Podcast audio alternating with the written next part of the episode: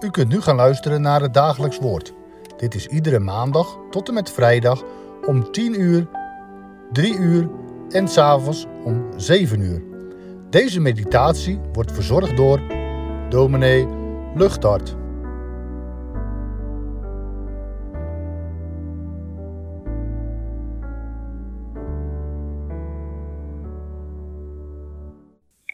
Wij lezen vandaag Marcus 14, vers 47 tot en met 52. Marcus 14 vanaf vers 47. Maar een van degenen die daarbij stonden, trok het zwaard en hij trof, en hij trof de slaaf van de hoge priester en sloeg hem het oor af. En Jezus antwoordde en zei tegen hem, Bent u er met zwaarden en stokken op uitgegaan, als tegen een misdadiger, om mij gevangen te nemen? Dagelijks was ik bij u in de tempel, onderwijs aan het geven, en u hebt mij niet gegrepen. Maar dit gebeurt opdat de schriften vervuld worden. En zijn discipelen verlieten hem en zij vluchtten allen. En een zekere jonge man die een linnen kleed om het naakte lichaam geslagen had, volgde hem. En de jonge mannen grepen hem. Maar hij liet het linnen kleed achter en vluchtte naakt van hen weg. Het is een heel bijzonder stukje uit de Bijbel waar we vandaag bij stilstaan. Een vreemd stukje ook, raadselachtig. We zijn in de hof van Gethsemane, de tuin waarin de Jezus gevangen genomen wordt. Judas heeft zijn meester verraden met een kus. Petrus heeft nog wel zijn zwaard getrokken, maar Jezus wil er niks van weten. Hij geeft zich vrijwillig over. Dit gebeurt opdat de schriften vervuld worden. De discipelen, ze weten niet hoe ze het hebben. En ze zien nog maar één mogelijkheid en dat is vluchten. Ze maken dat ze wegkomen. Weg, bij die soldaten. Stel je voor dat ze ook bij hen zullen grijpen. Weg, maar ook weg bij hun meester. Ze begrijpen er helemaal niks meer van. Weg. Jezus blijft alleen achter. Helemaal alleen. Of toch niet? Opeens is daar een jonge man een neaniskos staat er in het Grieks. Een jongen betekent dat. Het woord wat hier in het Grieks gebruikt wordt is een woord wat niet zo heel vaak voorkomt in de Bijbel. Doe denken aan een jonge man die nog niet zo oud is. Een jongen van een jaar of zestien misschien. De evangelist Marcus is de enige die over hem vertelt. In de andere evangeliën komen we hem niet tegen. Opeens is hij er. Met een linnen kleed om het naakte lichaam geslagen staat er. Hij is dus niet aangekleed, maar heeft in alle haast waarschijnlijk een laak om zich heen geslagen en is zo naar buiten gegaan. Het lijkt erop dat hij ergens heeft liggen slapen in een huis misschien, vlakbij de hof van Gethsemane, en dat hij wakker geworden is van het rumoer van de soldaten. Het blijft gissen, maar opeens is hij er. Terwijl de discipelen bij hun meester wegvluchten, gaat hij wel achter Jezus aan. Hij wel. Hij laat zich niet zomaar bang maken. Hij wil weten wat er met Jezus gebeuren gaat. Maar hoe moedig hij ook is, ook hij houdt het niet lang vol. Want opeens grijpen ze ook hem. En dan is het net als met Jozef in Egypte toen de vrouw van Potifar hem vastgreep. Dan weet hij niet hoe snel hij weg moet komen. Het laken waarmee hij zich omhuld heeft, laat hij achter in de handen van de soldaten. Naakt vlucht hij weg. Wie is deze jonge man? Ik zei het al, Marcus is de enige evangelist die over hem schrijft. Maar hij krijgt verder geen naam van hem. Het blijft een nogal mysterieuze figuur. Opeens is hij er, maar hij is ook weer heel snel verdwenen. Er zijn bijbeluitleggers die denken dat Marcus hier zichzelf een plekje geeft in zijn evangelie. Net zoals schilders dat soms ook doen in hun schilderijen. Van Rembrandt wordt dat bijvoorbeeld ook gezegd, hè, dat hij er zelf ook op staat op zijn beroemde schilderij van de nachtwacht. Zo zou Marcus dus zichzelf ook een plekje hebben gegeven in zijn evangelie. Anderen denken dat het Lazarus is geweest. Lazarus, die door de Heer Jezus was teruggeroepen uit de dood. belangrijke reden om dit te denken is dat linnen kleed of laken wat die jonge man om zich heen heeft getrokken. Iemand die gestorven was, wikkelde je ook in zo'n laken. Jozef van Arimathea zal dat straks ook doen met Jezus als hij gestorven is. Lazarus moet dus zo'n laken gehad hebben en droeg dat misschien ook nog wel eens om zich heen als herinnering aan dat wat er met hem gebeurd was. Zou zomaar kunnen. Ik kwam ergens ook nog de uitleg tegen dat deze man misschien wel de rijke jongeling is geweest die we in de Matthäus-evangelie tegenkomen en die aan Jezus vraagt wat hij moet doen om het eeuwige leven te kunnen beërven. Want als Matthäus over hem vertelt, gebruikt hij namelijk ook het woord neaniskos, de enige keer in zijn evangelie. Wie die jongeman ook is, ook hiervoor geldt dat het toch blijft bij gissen. We weten het gewoon niet. Niet met zekerheid in ieder geval. Houd het daarom ook maar gewoon op een jongeman zonder naam. Belangrijker is denk ik, wat doet deze jongeman in het Leidensevangelie? Waarom vindt Marcus het nodig om over hem te vertellen? Om dat te kunnen begrijpen moeten we denk ik terug naar het Oude Testament. De hoe er in het Oude Testament over jonge mannen wordt gesproken. Jonge mannen, daar moest een volk het van hebben. Jonge mannen, die waren vaak het sterkst en het dapperst. Zo werd er ook in Israël naar jonge mannen gekeken. Het waren de strijdbare helden van het volk. En juist daarom was het ook zo schokkend als de profeten in hun profetieën soms moesten zeggen dat de jonge mannen zouden smelten of vallen. Want dan betekende dat dat niemand meer op kon tegen de vijand. Dat betekende dat de ondergang van het volk. Nou, in die lijn had ooit ook eens de profeet Amos gesproken toen hij een oordeel moest aankondigen over het volk Israël. Amos had toen gezegd: Zelfs de moedigste onder de helden zal op die dag naakt wegvluchten, als God zal oordelen. De moedigste onder de helden. Ja, dat moest wel een jonge man zijn. Maar op de dag van de toorn van de Heer, als hij zou komen om te oordelen, dan zou zelfs de jongste, de moedigste, jongste, de moedigste jonge man met al zijn dapperheid in zijn hemd staan en zich zo snel mogelijk uit de voeten maken. Nou, zoals de profeet Amos dat eeuwen geleden in verband met een ander oordeel van de Heer al eens onder woord had gebracht, zo zie je dat nu dus ook letterlijk gebeuren in de hof van Gethsemane. Opnieuw gaan de schriften in vervulling.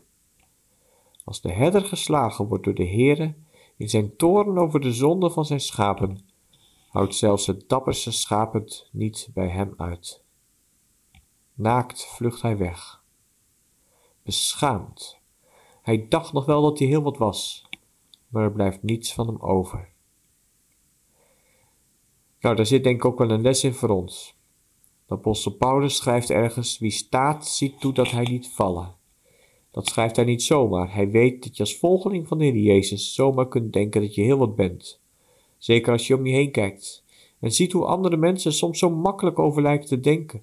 Ze zeggen wel dat ze de Heer willen dienen, maar waar blijkt dat dan uit? Nee, dan heeft de Heer veel meer in jou.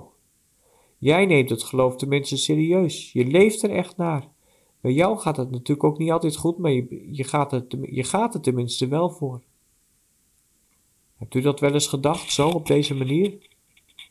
Dat zeg je natuurlijk niet hardop, maar diep in je hart. Ja, maar daarom dus ook dat woord van Paulus. Wie staat, ziet toe dat hij niet vallen. Als het er echt op aankomt, wat stelt onze trouw aan de Heer Jezus dan eigenlijk voor? Als het er echt om gaat spannen, als het lijden, de tegenstand, de vijandschap in alle hevigheid zichtbaar wordt, zijn wij dan ook niet geneigd om heel hard weg te lopen? Laten we onszelf maar niet overschatten in de weg van de navolging. Die jonge man hier in Marcus 14, die zo moedig was, naakt vlucht hij weg. Het is een afgang. Hij staat letterlijk te kijken, ook al is het zo donker. Het lijkt erop dat hij daarom ook maar zo gauw mogelijk vergeten moet worden. Toch is dat nog maar de vraag. Want weet u, als we verder lezen in Marcus-evangelie, komen we in hoofdstuk 16 opnieuw een Neaniskos tegen. Marcus gebruikt het woord twee keer in zijn evangelie, hier in hoofdstuk 14, maar ook in hoofdstuk 16, het hoofdstuk waarin hij gaat vertellen over de vrouwen die op de dag van de opstanding naar het graf van de Jezus toe gaan en dan ontdekken dat hij er niet meer is. Want dat staat er in de vers 5 van Marcus 16. En toen zij het graf ingegaan waren, zagen ze aan de rechterzijde een jonge man zitten, gekleed in een wit, lang gewaad. En zij waren ontdaan. Hier dus opnieuw een Nearniscus zonder naam. Opnieuw zo'n jongen van een jaar of zestien. Maar nu niet naakt of met een laken om zich heen, wat hij nog snel heeft kunnen pakken, maar gekleed in bruiloftskleren. In een gewaad wat doet denken aan de kleren die men ook, in, die men ook Jezus had zien dragen tijdens de verheerlijking op de berg.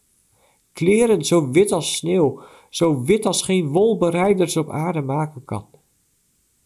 Het is heel opvallend dat Marcus hier niet spreekt over een engel. Dat doet Matthäus wel. En Lucas heeft het zelfs over twee engelen bij het graf van de Heer Jezus. Maar zowel bij Matthäus als bij Lucas zitten die engelen niet in het graf, maar blijven ze buiten staan of ze zitten op de steen die is weggerold. De jongeman over wie Marcus het heeft, die zit in het graf.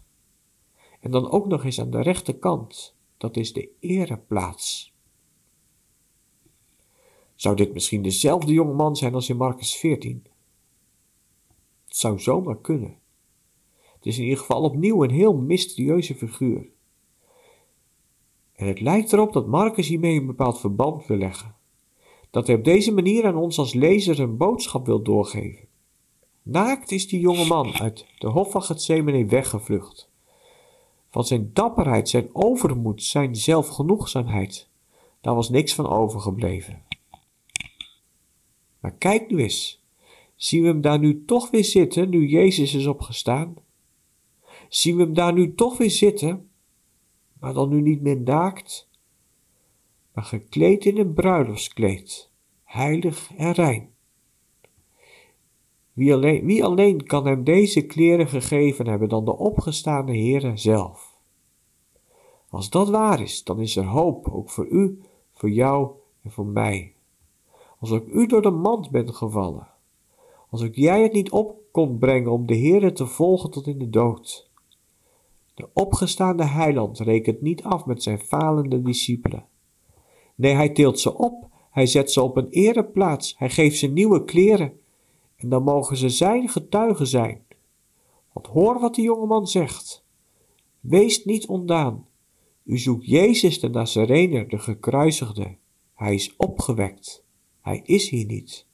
Zie de plaats waar ze hem gelegd hadden. Broeders en zusters, zo gaat het er nou aan toe in het koninkrijk van God.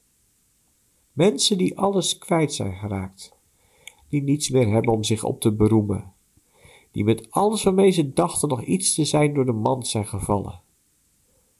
Ze worden, de heren niet, ze worden door de Heer niet aan de kant gezet, zo van aan jou heb ik niks. Nee, zij zijn het juist die door de Heer verhoogd worden en die, die Hij in Zijn dienst gebruiken wil. De Heer hij heeft helemaal geen helden nodig. Hij zelf, hij is de held die de strijd gestreden heeft. De strijd tegen de zonde en de bittere, smadelijke dood. Hij heeft die strijd gestreden. En hij heeft overwonnen, omdat een ieder die in hem gelooft niet verloren zal gaan, maar het eeuwige leven zal hebben. Al zijn discipelen, allen die het van hem verwachten, ook al zijn ze nog zo onderuit gegaan, ze mogen zingen. Moeder kom ik, arm en naakt, tot de God die zalig maakt. En zo, zo mogen ze delen in zijn overwinning. Amen.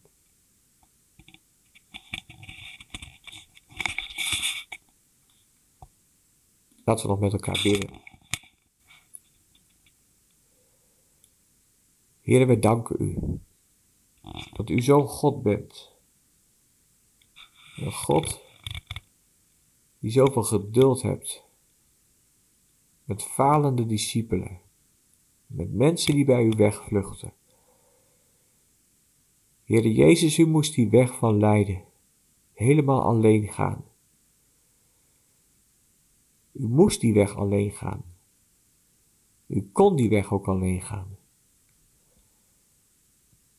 Zelfs de moedigste van de helden vluchtte erbij weg.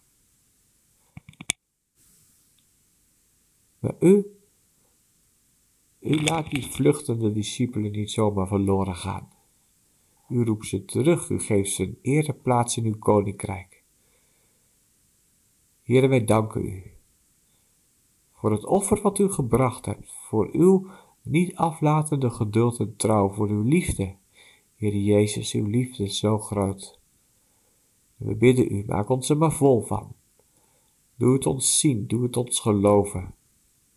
Doe ons eruit leven. Opdat wij kinderen van u zullen zijn, die uw naam ook met vrijmoedigheid zullen uitdragen in deze wereld, die uw naam zullen verheerlijken. Heer, hoor zo ons gebed.